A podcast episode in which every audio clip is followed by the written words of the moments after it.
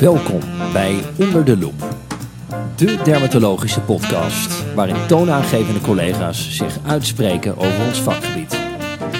Ja, we zijn er weer. Allereerst ontzettend bedankt voor de leuke reacties die we tot nu toe hebben mogen ontvangen van jullie. Heel erg fijn. En voor de derde aflevering zijn we afgereisd naar Amsterdam en nemen we een duik in het type 4 contactallergisch eczeem.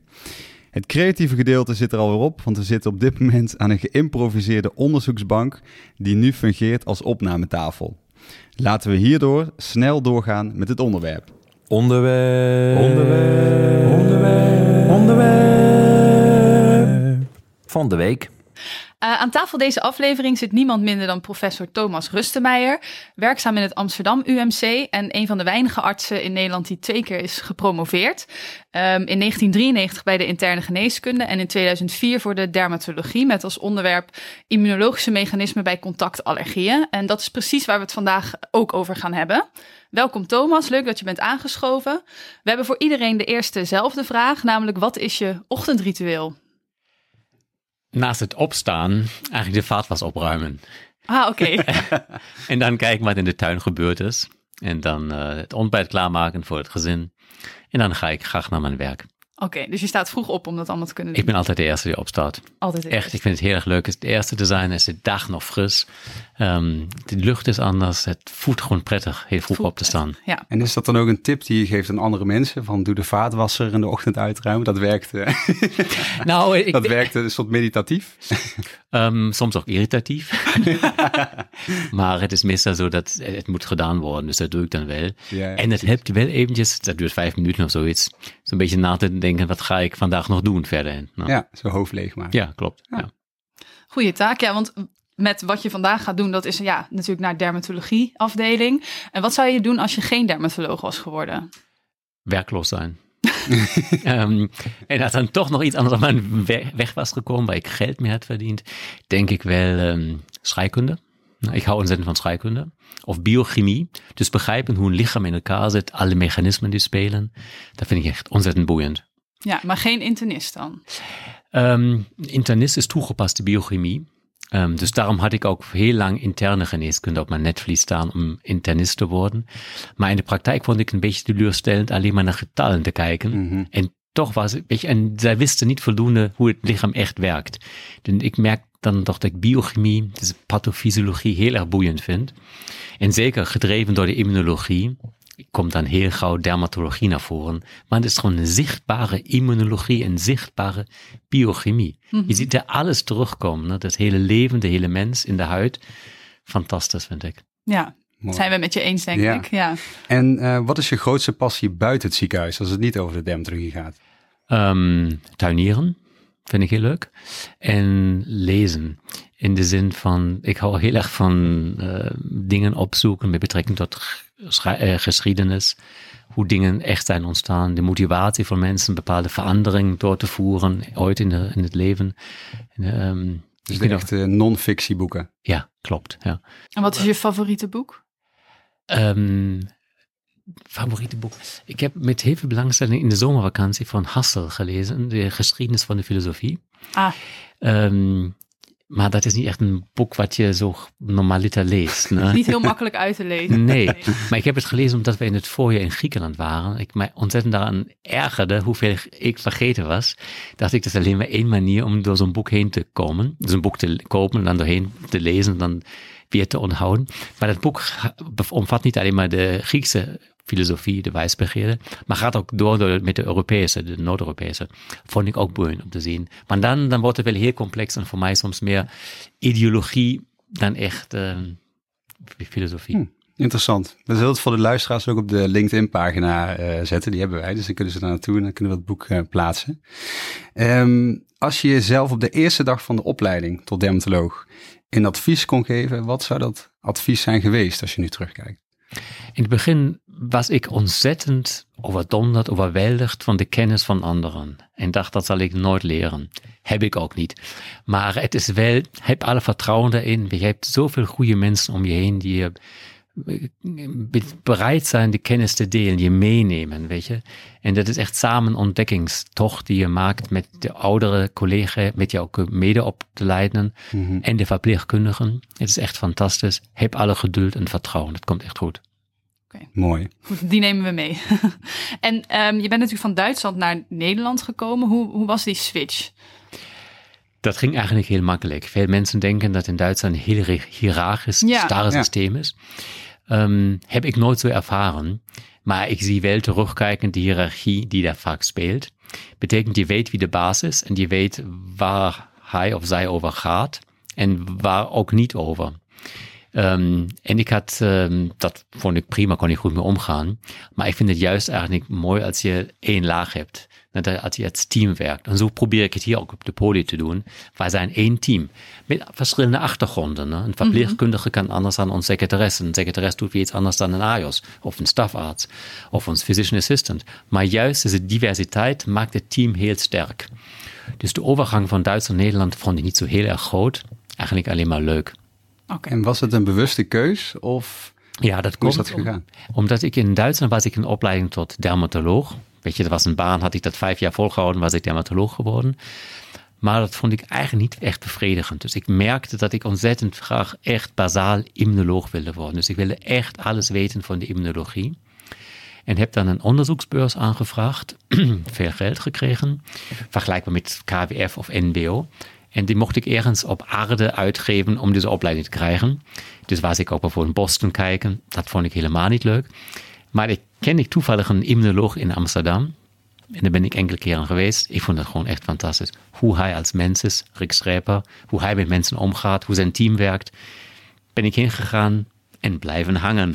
Zo gaat het dan ook wel weer. Ne? En nu zijn we hier. En het is dan een soort fellowship geweest. Ja, klopt. Zo ja, moet je het ja. zien eigenlijk. En dan tegelijk met de opleiding tot immunoloog, dat was bazaal wetenschappelijk immunoloog, heb ik ook nog een promotie gedaan. En dan had ik de ook gelegenheid gekregen om nog een opleiding af te maken in Nederland, waarvoor ik niet terug ben gegaan. Ik had er altijd nog een baan in Duitsland. Ik kon altijd terugvallen. Dat was wel heel veil, veilig en fijn, maar dat hoefde niet. Oké. En ehm, uiteindelijk, ja, je hebt het al een klein beetje verklapt, maar wat vind je zo fascinerend aan de dermatollergologie? Ehm, aan de, de dermatollergologie is eigenlijk echt de direct toegepaste immunologie. Maar bij de dermatologie in het algemeen eigenlijk ook heel veel immunologie. Ne? We hebben natuurlijk heel veel dermato-oncologie. Maar daar kan je ook zeggen dat is een falende immuunantwoord. En sinds de laatste jaren nog sterker. Door al deze uh, checkpoint-inhibitoren en immuunmodulatoire therapieën. Als we het immuunsysteem maar goed aanzetten, kunnen we kanker genezen. Fantastisch. Ik vind het, van, ik vind het echt fantastische tijden. Ne? Echt. Ja, en de dermatollergologie allergologie specifiek is dus ook echt dat immunologie. eh, Ja, dus immunologie. En daar komt ook veel scheikunde terug. Wat ik ook echt, dat slaat mijn hart ook veel harder van dan. Ik heb al een tijdje scheikunde gedaan. Dus dat vond ik ook heel erg leuk. Het is toegepaste scheikunde. En ik vind het bij de dermatollergologie ook zo mooi dat je met mensen, ne, je patiënten, vaak ook een multidisciplinair uh, verband, voor je spreekuur. Dus samen met de interne, samen met de kinderen, samen met de MDL. Dat is gewoon, je wisselt informatie uit, ne, je groeit naarmate de, de contacten die je hebt. Ja, en de impact van zo'n aandoening is ook ontzettend groot natuurlijk. In het dagelijks leven beperkt dat uh, mensen ja. enorm. Ja. Is er een specifieke casus uh, met betrekking tot contactallergie die heel erg is bijgebleven? Of dat je verbaasd was over dat, dat het allergeen was? Of... Ja, er zijn zeker mensen die me heel erg zijn bijgebleven. Bijvoorbeeld, bijvoorbeeld een, een schoonmaker van de straat in Amsterdam, zo'n veegploeg. Um, daar kwam uit, hij dacht dat hij allergisch is voor de stank en de geuren, weet je. Dat kwam daar niet uit. En uit zijn testen kwam alleen paraphenildiamine, dat is haarkleur. maar als je goed kijkt, is het niet alleen haarkleur, maar als je namelijk twee paraphenildiamine, dat zijn zo twee fenolverbindingen, aan elkaar koppelt, krijg je een oranje kleurstof. En welke kleur draagt die meneer de hele dag? Oranje. Dat was echt zijn oranje pak om hem dat duidelijk te maken, hebben we hem in zijn pak geplakt. En dat was echt overduidelijk positief. Dat was zo'n eye-opener voor iedereen die erbij betrokken was. En hij was zo blij dat het aan dat stomme pak ligt. Ja, En niet aan zijn werk. Want hij is echt iemand die met heel veel plezier die straten veegt. Dus het was echt ook mooi om te zien. Is hij dan nu de enige straatveger van Amsterdam zonder een oranje pak? Heeft hij een andere kleur gekregen? Nee, hij heeft wel een oranje pak aan. Maar de onder draagt hij gewoon Ah, die- ne, beschermde onderkleding. Eigenlijk een dat was verbandspak. voldoende. Ja. Mooi. Mooie casus Dat inderdaad. ook vaak aan de eh, verhalen waar mensen toch heel veel tijd van hun leven hebben verspild, waar geen duidelijke antwoord kwam, wat de oorzaak is van een heel vervelende uitslag, eczeem, vage klachten. En dan is het heel erg prettig en heel dankbaar werk, als je hen toch kan helpen. Ja, zeker. Maar dat geldt bij, ook bij oncologie, ne? Ook bij psoriasis. De, als, denk als dermatoloog heb je de mogelijkheid, zoveel mensen zo makkelijk, hopelijk makkelijk, te helpen om levenskwaliteit te verbeteren. Want wij onderschatten vaak hoe groot de impact op levenskwaliteit is. Bij een opper, aandoening die zo oppervlakkig is, waar je gelukkig vaak niet aan doodgaat, maar toch zo'n impact heeft op, op het zelfbeeld van en leven. Absoluut, ja. Ja, er is nog een hoop eh, onbekend eigenlijk hè, over die pathway van het ontstaan van een eh, contactallergie. Wat zijn de huidige inzichten? Hoe denken we er nu over hoe dat, hoe dat exact ontstaat op celniveau? Ja, er zijn bepaalde genetische risicofactoren. Die hebben ermee te maken dat allergenen makkelijker in de huid komen. Een slechtere huidbarrière. Maar ook dat je een allergeen in een inflammatoire omgeving geeft, bijvoorbeeld waar de huid al ontstoken is, dan wordt het gewoon makkelijker opgepakt door het immuunsysteem als pathogeen. Dus je raakt veel sneller gesensibiliseerd. En op de andere kant hebben wij ook mogen leren dat het niet zo alleen maar type 1 allergie, type 1 T-cellen zijn die het drijven, maar juist veel meer de type 2 T-cellen, de TH9 ook, TH22. Dus een heel complex beeld. En dat verklaart eigenlijk ook zo mooi dat een contactallergologisch beeld bij de patiënt zo divers kan zijn. Ne? Sommige mensen krijgen alleen maar pustels, AGEP-achtig. En anderen krijgen echt een lichenoïdbeeld. Ne? Anderen krijgen een klassiek eczeembeeld. Sommigen krijgen purpura. Is echt de, wij beginnen te leren dat verschillende pathomechanismen ten grondslag liggen aan de verschillende klinische uitingsvormen. Wat een beetje logisch is. Maar ook daar helpt ons die, helpen onze laatste inzichten van de immunologie ontzettend. Ja, en je noemde aan het begin de genetische factoren. Je bedoel je dan filagine, dat de huidbarrière is verslechterd? Zijn er ook bepaalde genetische factoren in het immuunsysteem zelf eh, die er aan ten grondslag? Wat is daarover bekend? Pelagine is denk ik een risicofactor voor bepaalde allergenen die echt percutaan moeten penetreren. Dus geurstoffen. Maar nikkel of andere metalen of die je inbrengt, dus waar je fysiek de huidbarrière penetreert, speelt dat uiteraard niet. Maar filagine is, kan dus een belangrijke eh, risicofactor zijn. Maar vanuit andere factoren weten we dat IL-16 en IL-18 risicofactoren zijn. Ook TNF-alpha heb je op 308 een polymorfisme. Dat geeft dan zo'n cumulatief risico van 3 tot 5. Dus niet dramatisch hoog, maar wel iets verhoogd. Ne? Ja, en dat verklaart dus waarom sommige mensen die in contact komen met heel veel allergenen geen last hebben en anderen eigenlijk heel veel. eh, Heel, Ja. sneller. Ja. En dat was eigenlijk al duidelijk uit grote epidemiologische studies. Ze hebben gewoon gezien, als je één allergie hebt, één contactallergie, is de kans dat je meer krijgt significant verhoogd. Dus dat pleit ervoor, er moet ergens een gevoeligheid zijn. Ja, en denk je dat er dan in de toekomst ook gerichte therapieën kunnen komen? Want je kan, of een allergie kan je niet meer heen groeien.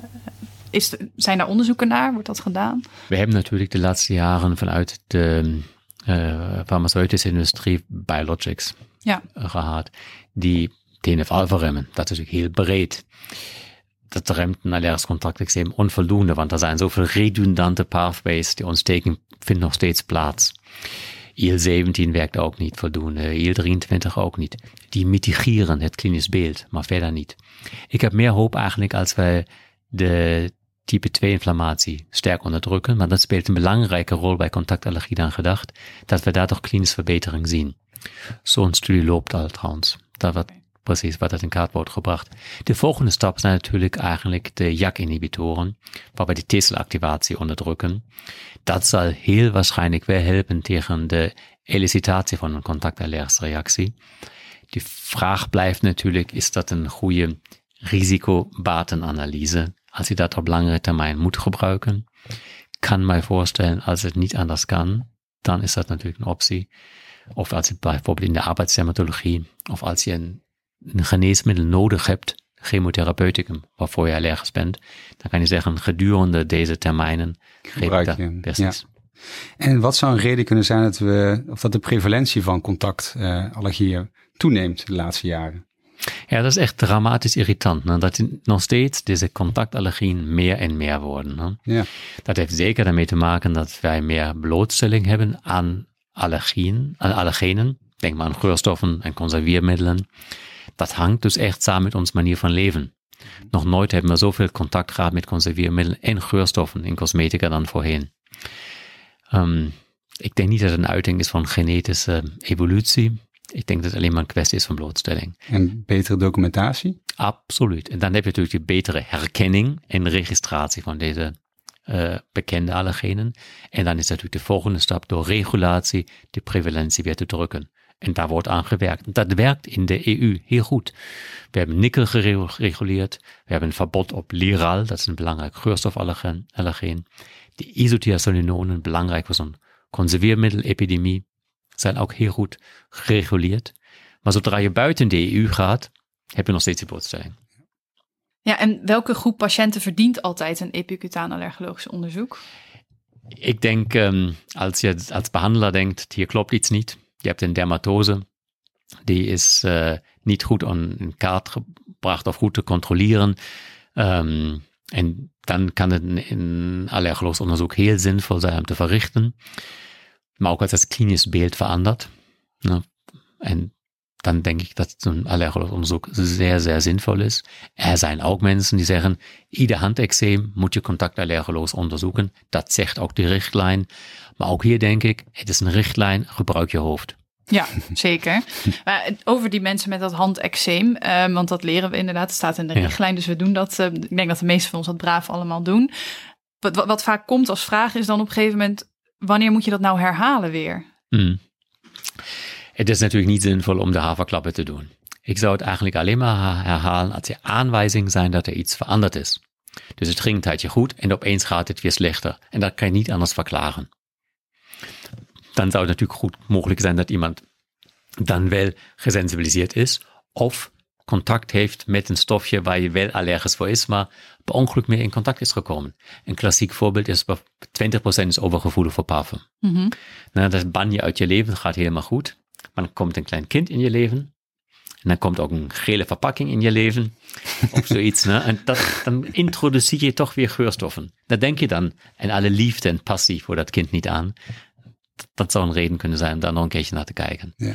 Dan heb je natuurlijk met de gele fles een goede indicatie. Dat ja. niet te gebruiken. Soms is het niet even makkelijk. Nee, dat, dat snappen we inderdaad. En um, hoeveel mensen mis je dan met zo'n... Hoeveel allergieën mis je met een epicutaal allergologisch onderzoek? Want niet alles wordt gevangen. Um, als je echt de Europese basale testreeks gebruikt, dan heb je bij een, in de tweede lijn 70 tot 80 procent van de relevante allergenen vind je. Dat is eigenlijk de regel. Als je in een tertiaire setting zit, zit je misschien rond de 60 procent. En als je over arbeidsdermatologie praat, 20 tot 30 procent zit je echt eronder. Maar dat zijn heel belang, heel bijzondere allergenen, bijzondere stofjes die je echt verder niet vangt, niet test. Nee, maar zijn er ook stoffen, want we hebben natuurlijk allemaal de aanvullende reeksen die denk ik ook goed gebruikt worden. Maar zijn er ook stoffen die daarmee niet um, goed getest worden? Kijk, als we terugkijken naar de eh, problemen die we hebben gehad met diabetessensoren en diabetespompen. Mm -hmm. Dat zijn plakkers, die breng je voor drie dagen voor de pomp tot tien dagen, veertien dagen voor de sensor aan. Die moeten heel goed op de huid zitten. Veel beter dan andere plakkers. En er zit een stofje in, wat je een acrylaat, wat niet kruisreageert met de andere acrylaten, kunststoffen. En als je dat niet test, dan vind je dat niet. Het werd bij toeval gevonden. Isoboronylalacrylaat heet dat stofje, IBOA afgekort. Dat reageert niet kruis met HEMA, wat in de routinereeks zit, nog met de andere acrylaten. Heel specifiek. Ook een specifiek probleem voor deze patiëntengroep. Dus die hebben we jarenlang gemist. Exact. Ja. En dan heeft de industrie is niet dom. Die heeft door dat nu IBOA een probleem is en dat mensen proberen IBOA-vrije devices te krijgen. En die zijn er voor een deel, maar ook voor een deel niet. Dus IBOA wordt nu vervangen door een andere nieuwe acrylaat. Ja. Ja, dus dat is altijd een, een race tussen ontwikkeling en onze speurtocht erachter te komen. Ja. Maar dat is ook een beetje een kick, ne? Erachter te komen, wat is het nu? Ja, leuk. Zo blijft het lang leuk Ja. En, En- dat blijft ook heel leuk, omdat je even met collega's samenwerkt die die passie delen. Ne? Dat is echt. Ja. En denk jij in het algemeen eh, vanuit Dermatologie Nederland dat wij te veel of te weinig testen? Ik denk dat we eigenlijk te weinig testen. Dat heeft ermee te maken dat Nederland een relatief eh, kleine hoeveelheid dermatologen kent in vergelijking met omgevende Europese landen. Ehm, en deze testen worden toch met name door dermatologen gedaan, hoewel ook enkele internist-allergologen, die hebben we misschien 30 in, eh, dat doen. Eh, dus het is niet zo heel makkelijk vanuit de patiënt via de huisarts een verwijzing te krijgen voor goed allergologisch onderzoek. Dus daar zit een vertraging in.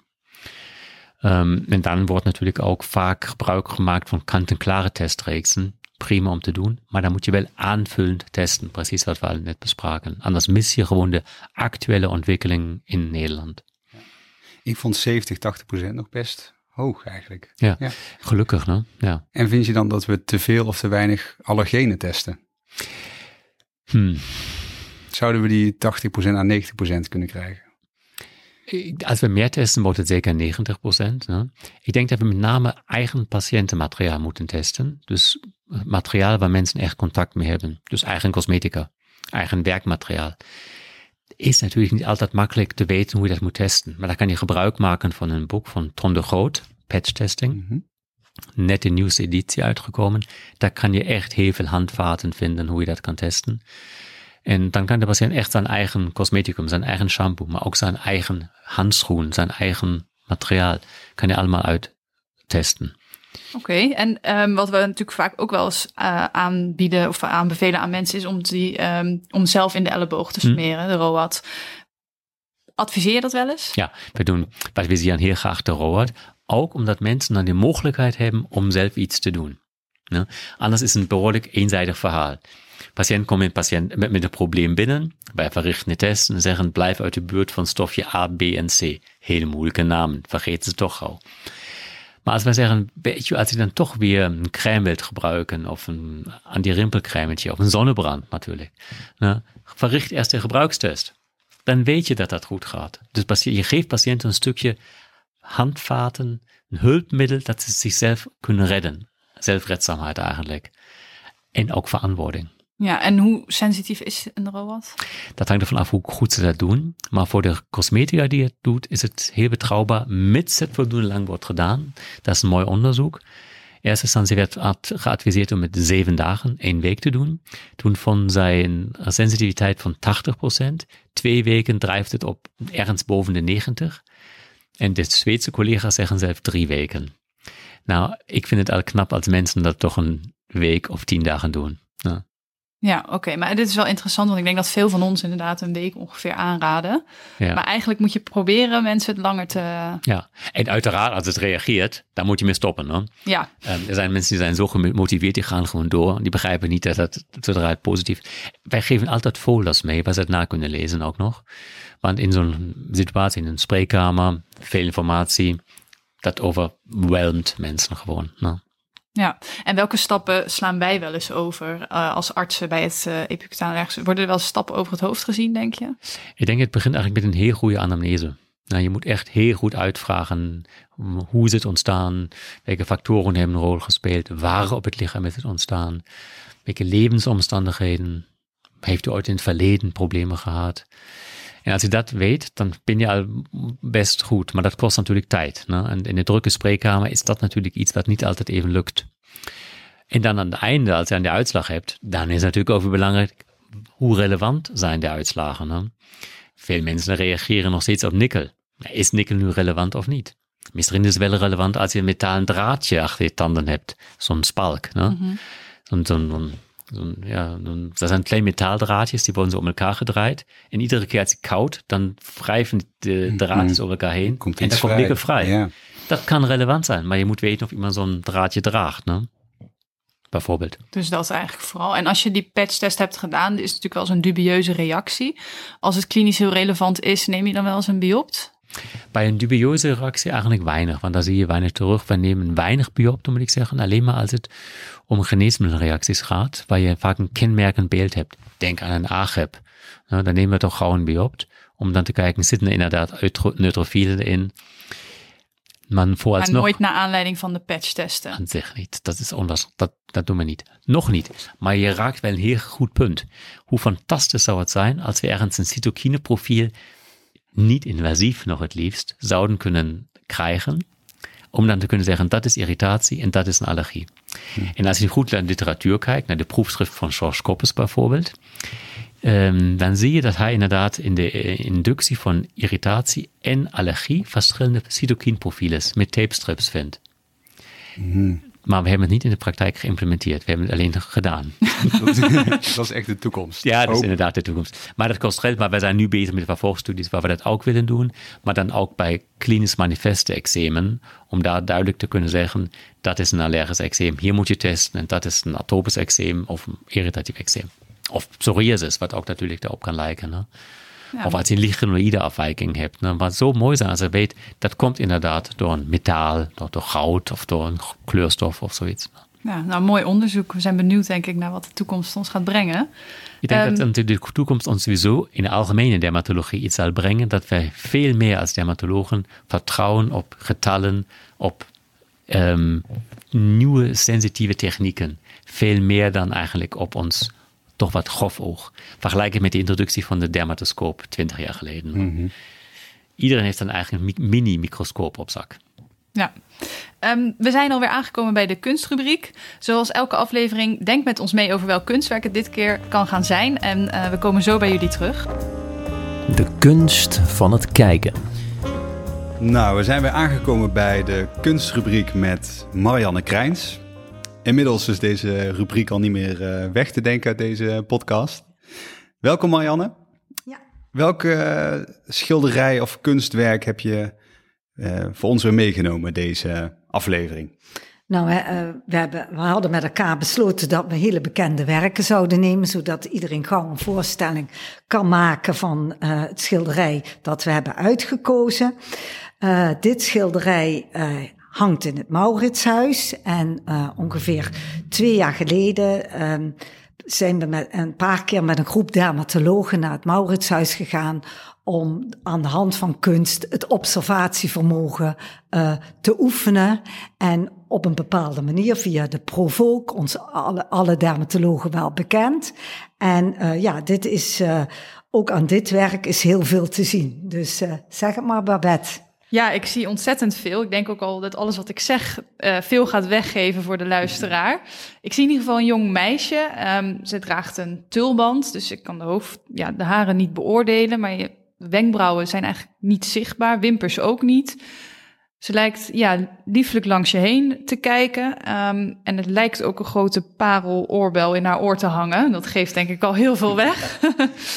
Uh, maar ik heb ook begrepen dat dit recent uh, gerestaureerd is. Dus ik ben heel benieuwd uh, van wat, welke theorieën er allemaal nog staan. Of het allemaal wel of niet zit meer. Ja, um, zoals je zegt, die parel in het oor.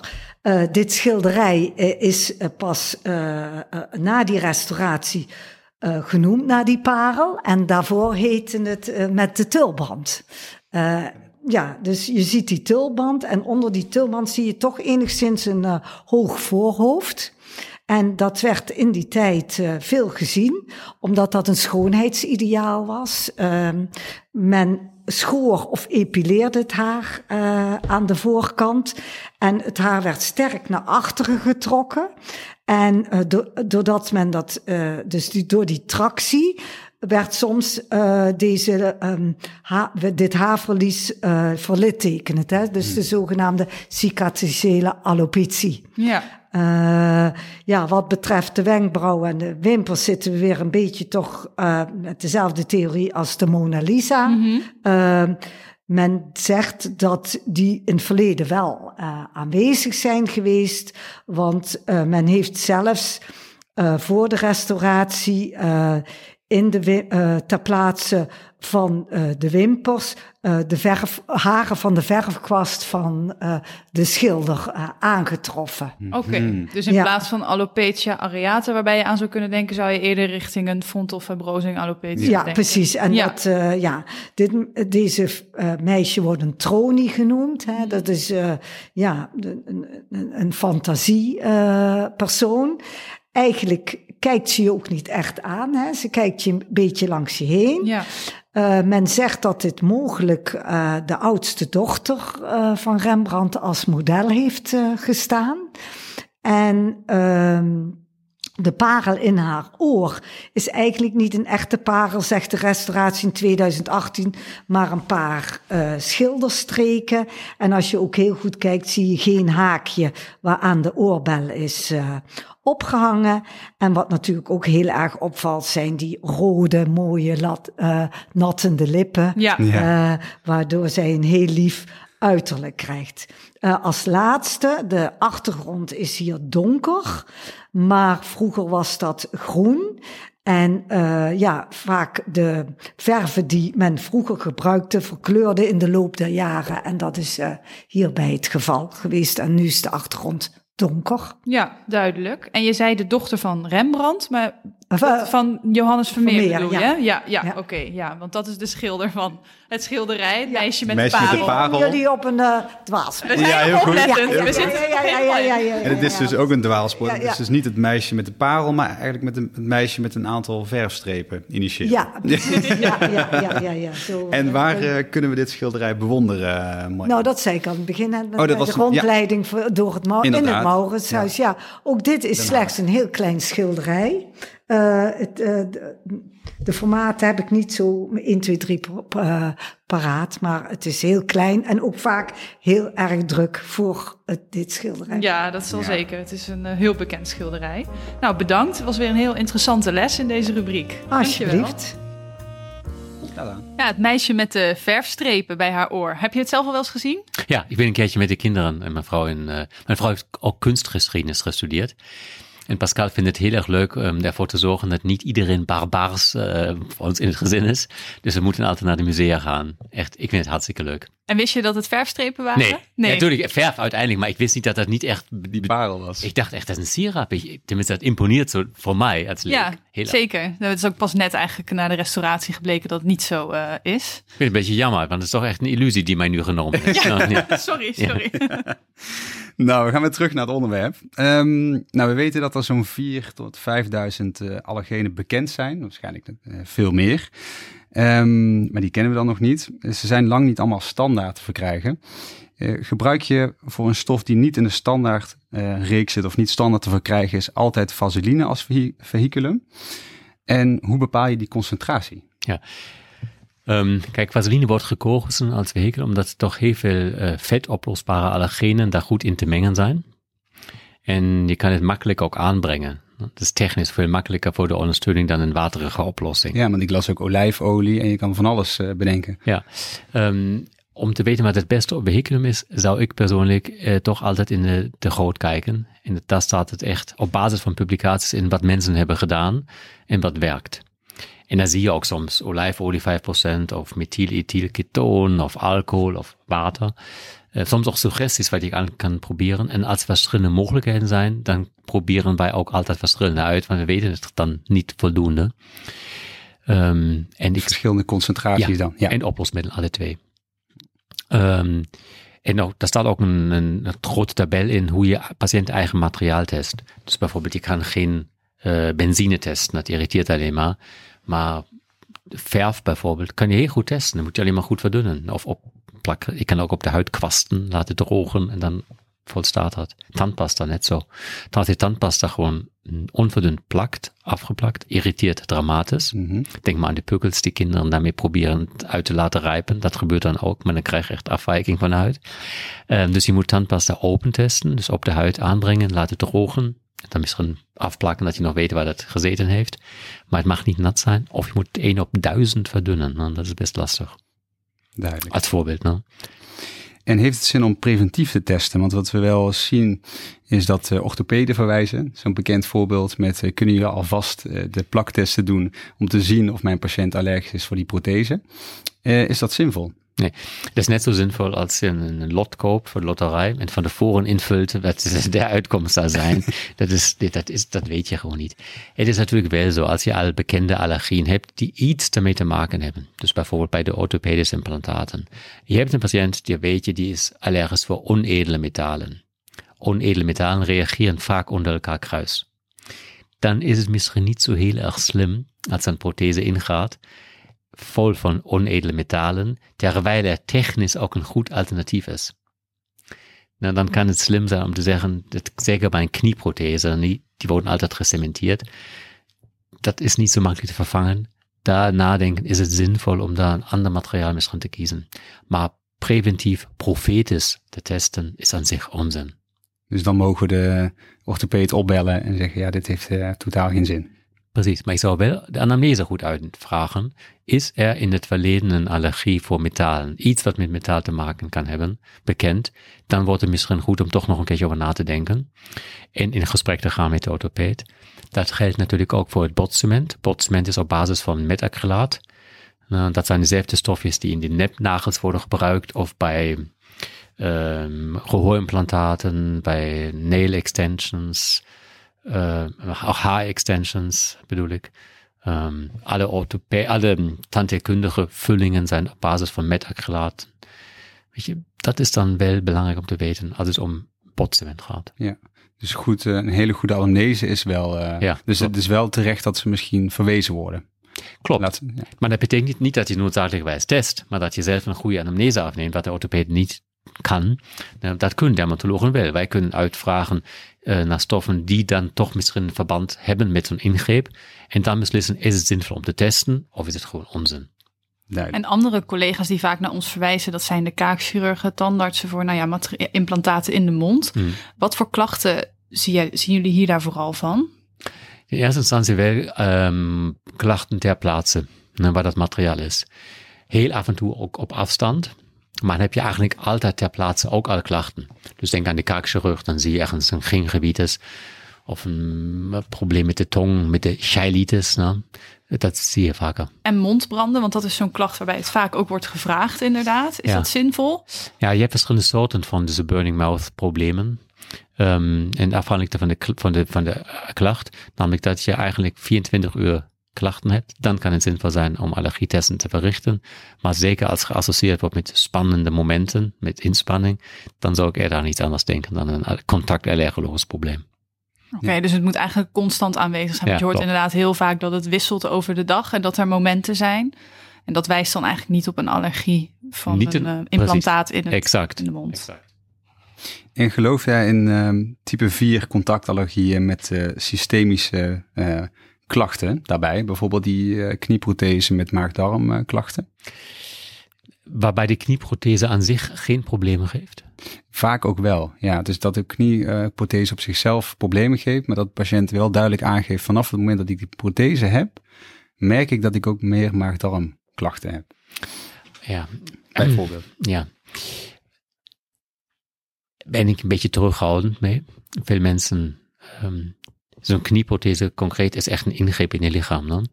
Gelukkig kan je dat doen als je echt problemen hebt met lopen of met bewegen. Maar um, ik kan me ook voorstellen dat dan klachten op afstand in verband worden gebracht waar eigenlijk geen causaliteit bestaat. Um, maar als die prothese wel problemen geeft en een allergietest inderdaad positief is voor metalen of andere bestanddelen die daarin verwerkt zijn, is het niet uit te sluiten dat dat iets is, maar ik acht die kans wel klein.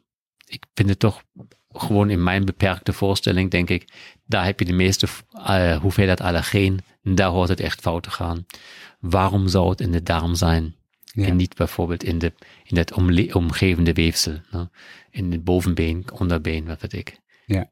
Dus, je dus- ziet ook nooit ergens anders op af. Dat mensen komen met een verhaal van een type 4 allergie en dat ze ook nog klachten ergens anders hebben. Systemisch. Nou, nou, kijk, ik bedoel, we hebben natuurlijk mensen die hebben door bijvoorbeeld ingestie of uh, injectie van geneesmiddelen um, systemische contactallergieën. Dat heb je zeker. Je kan bijvoorbeeld als je allergisch bent voor, blijf bij de metalen, voor um, uh, platina als chemotherapeuticum. Ne? Dan krijg je echt all over een contactallergie. Dat is echt een systemische contactallergie. Net als voor andere geneesmiddelen ook. En dan kan ik me ook voorstellen, als je een, een intoxicatie hebt met een ander metaal, dat je dan systemische klachten hebt. Maar dat zie ik niet zo dat ik denk, ik heb aan de knie nikkel of, ne, en krijg nu buikklachten daarvan en verder heb ik nergens iets. Nee. Daar Ja. heb ik een missing parameter, iets wat ik niet ken. Ja, daar moet toch ergens verband zijn. Mondheelkunde. ne. Als je klachten, als je allergenen hebt in de mondholte, dan kan je daar klachten hebben en misschien nog ergens elders wat daarmee in verband staat, maar niet Maar niet aan je linkerpink. precies. Nee. De rechter, weet ik niet. Kunnen. Wie weet. Maar weet je, ik- dan denken mensen misschien dat ligt in de hersenen. Maar weet je, dat is, of zeg maar tussen mond en hersenen heb je inderdaad anatomisch misschien 15 centimeter. Maar als je echt naar de organen kijkt, naar alle barrières waar je doorheen komt, dan is het, dat is niet direct dat je daarvoor een foggy brain krijgt. No? Nee, nee. En als we het nu omdraaien, want we hadden het net natuurlijk heel de tijd over die eh, huidafwijkingen en de, de plaktesten daarbij. Hoe vaak zijn die huidafwijkingen nou toch veroorzaakt door een type 1 reactie? Dat kan ook. Je ken- hebt natuurlijk deze protein. Ne? Dat je bijvoorbeeld door langdurig contact of herhaaldelijk contact met eiwitten toch een eczeembeeld krijgt. Ehm, dat, kan je op elke leeftijd krijgen. Ook in de beroepssetting uiteraard, maar ook in ons privéleven. Ne? Dus dat kan ook. Je kan ook type 1 allergieën hebben. Kennen we ook ne? als kinderen vaak of als in, in gas spelen, in het gas liggen, dan kan je daar echt in het begin, in het begin urticaria krijgen. En als je het maar vaak genoeg doorgaat met deze prikkel, dan krijg je gewoon een chronische ontsteking. Gas liggen, dat zouden wij in Nederland niet zo vaak doen. Dat doe je alleen maar op de enkele dagen als de zon schijnt. Maar als je over je huisstofmijt nadenkt, is dat een ander verhaal. Ja, denk je dat we dat onder eh, diagnosticeren? Ik denk dat we het eigenlijk onderschatten. Nou, Ik denk dat we onderschatten hoeveel eiwitten als allergeen in de ontstekingsprocessen in ons huid een rol spelen. Absoluut. Ja. En wordt daar nog onderzoek naar gedaan? Uh, wij proberen inderdaad juist voor de huisstofmijt te kijken in hoeverre dat um, een rol speelt bij de initiatie en de chroniciteit van eczeem. Dan uiteraard met name bij kinderen die een bekend constitutioneel eczeem hebben. Maar ik ben echt gefascineerd door het feit dat je dan als je huisstofmijt elimineert, het eczeem veel beter gaat. Dan kan je natuurlijk zeggen, het ligt aan deze enzymeigenschappen van het DRPT1, wat ook de barrière kan afbreken. Dat kan. Maar het is onwaarschijnlijk, want je ziet dat het het enige is. Want je ziet natuurlijk ook de ontzettende attractie van type 2 T-cellen en uh, inflammatoire epidermale langerhanscellen naar de plek. Dus daar is wel de aanmaak van chemokinen die deze specifieke cellen aantrekt. Dus dat wijst eerder op een allergologisch type 1 proces. Ja, interessant. Ja. En ik heb uh, op dit moment nog geen kinderen, maar mocht je die uh, in de toekomst uh, gaan krijgen, wat zou dan je advies zijn met betrekking tot het aanraken, aanraken van verschillende allergenen? Want dit was heel specifiek type 1, ja. maar hoe zit dat met type 4? Als we kijken naar de hoeveelheid contactallergieën bij kinderen, hè, dan wij worden gemiddeld 80 jaar. Dan is de adolescentie tot met 16 een vijfde. En als je dan kijkt hoeveel kinderen zijn allergisch, dan praat je zo rond gewoon, op basis van populaties, 6 tot 10 procent. Volwassenenleeftijd 20 procent. Dus in het eerste 20 procent van je leven, die adolescentie, krijg je al 50 procent van de allergieën. Van mensen die het ooit krijgen. Dus dat wijst erop dat je op de ene kant misschien heel erg supergevoelig bent, dus individuele gevoeligheid. Of het is een heel kwetsbare periode in je leven, waar je juist moet uitkijken waar je kinderen aan blootstelt. En als je kijkt welke allergenen spelen bij kinderen een rol, zijn het de geurstoffen, conserviermiddelen en de wolalcoholen. En dat heeft te maken met de ontwikkeling van de huid nog als klein kind. Dat je zegt van ja, dat is, die zijn vatbaarder om, uh, om uh, allergieën. Dat, uh, dat weten we eigenlijk niet zo goed. Wij weten niet waarom zo'n relatief grote percentage van jonge mensen ja. allergisch, allergisch wordt. We weten eigenlijk ook onvoldoende of dat die mensen zijn die dan later nog veel meer allergien uh, verzamelen in hun leven, of omdat dat, dat het een latere groep is. We zien alleen maar dat zijn sensibilisaties, die verwerf je echt op kinderleeftijd. En naar verwachting hou je die helaas. Dus toch uh, het advies om het een beetje proberen te vermijden. Ik denk als je, je probeert natuurlijk voor je kinderen goed te zorgen.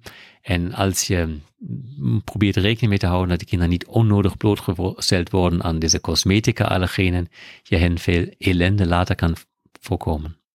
Dus eigenlijk precies het omgekeerde van de type 1, waarbij Ja, je de pinda's ja. eh, Exact, geeft exact. op vroege Daar moet je leeftijd. instoppen. hè? In de modder met de Ja. kinderen. Maar ik snap wel dat het voor veel ouders ver- verwarrend kan zijn. Ja. Toch? Ja, Maar das war es natürlich tot enkele jaren ook zo. Ne? Dat ook äh, in hoogrisiko-atopische families, daar mocht geen pinda gegeten worden. Ne? Ja. En alleen maar moedermelk tot een jaar of tien. Mijn vrouw noemde het altijd de borstvoedingsmafia. Ne? Maar ehm, eh, het is natuurlijk zo, weet je, nu is duidelijk dat je zeker bepaalde eiwitallergenen, dus pinda en koemelk, vroeg introductie kan grote ellende laten voorkomen. En waarom zou dat dan niet zo werken met de type 4?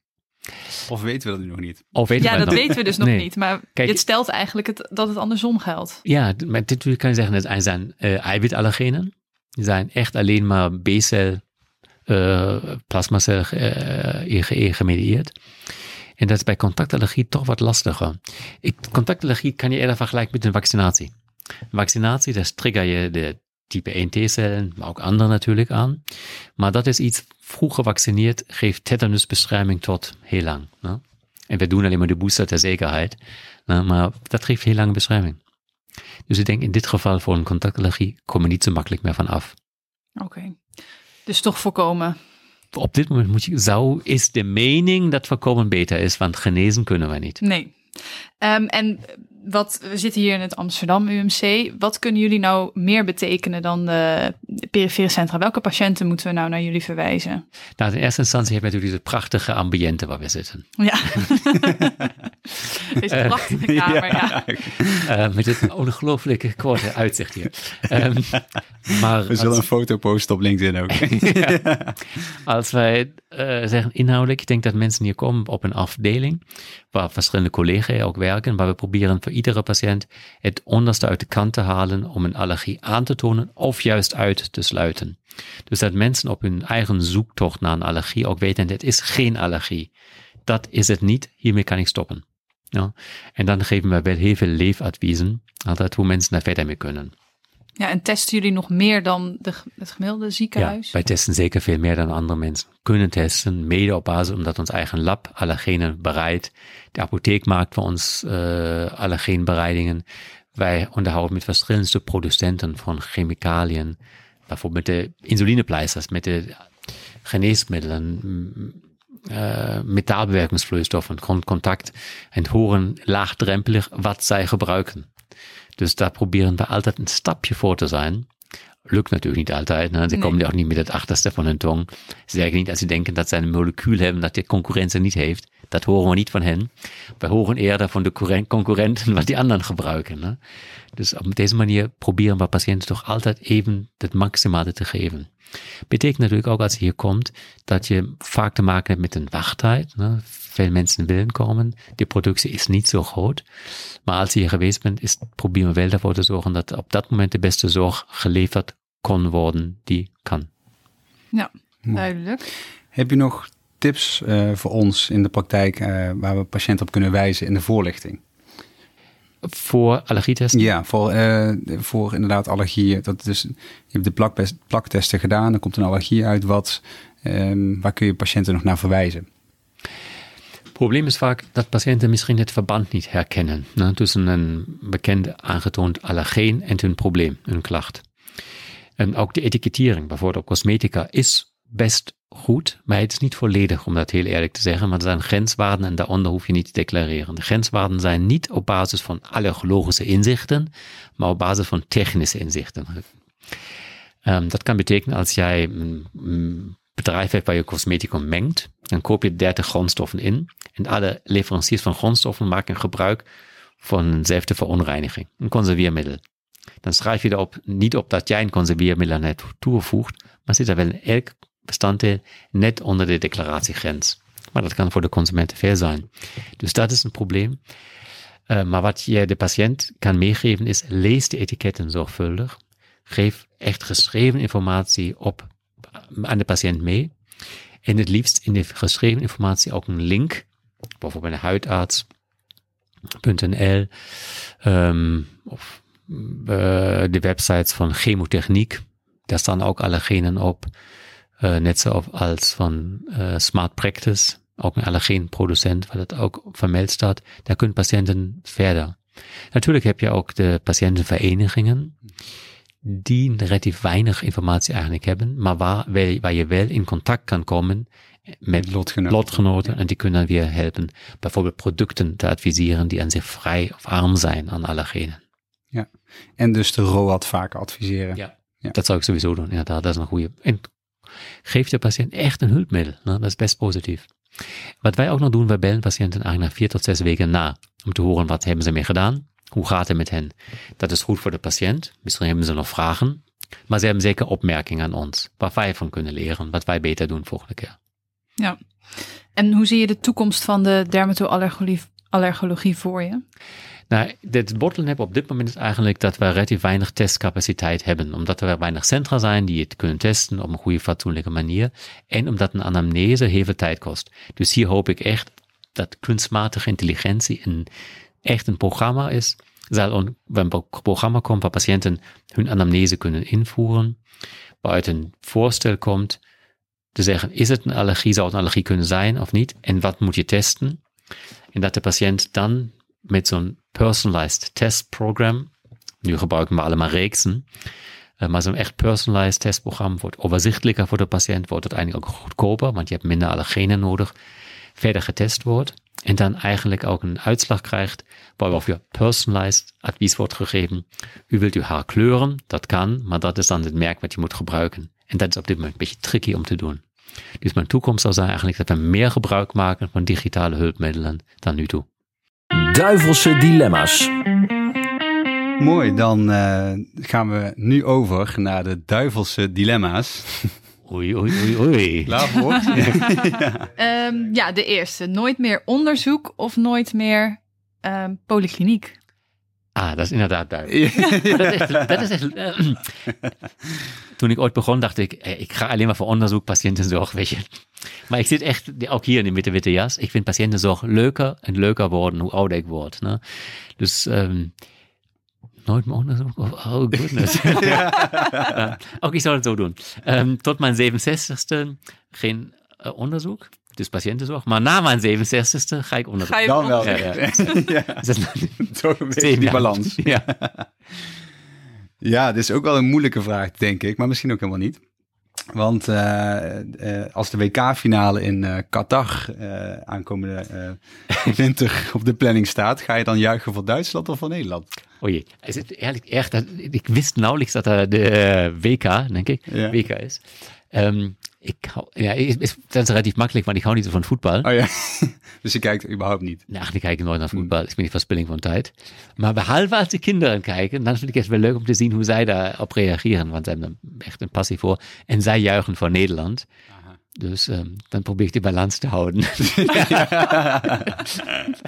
en dat, wat ik dacht, vind- je juicht mee, maar je juicht dus voor Duitsland. ja, precies.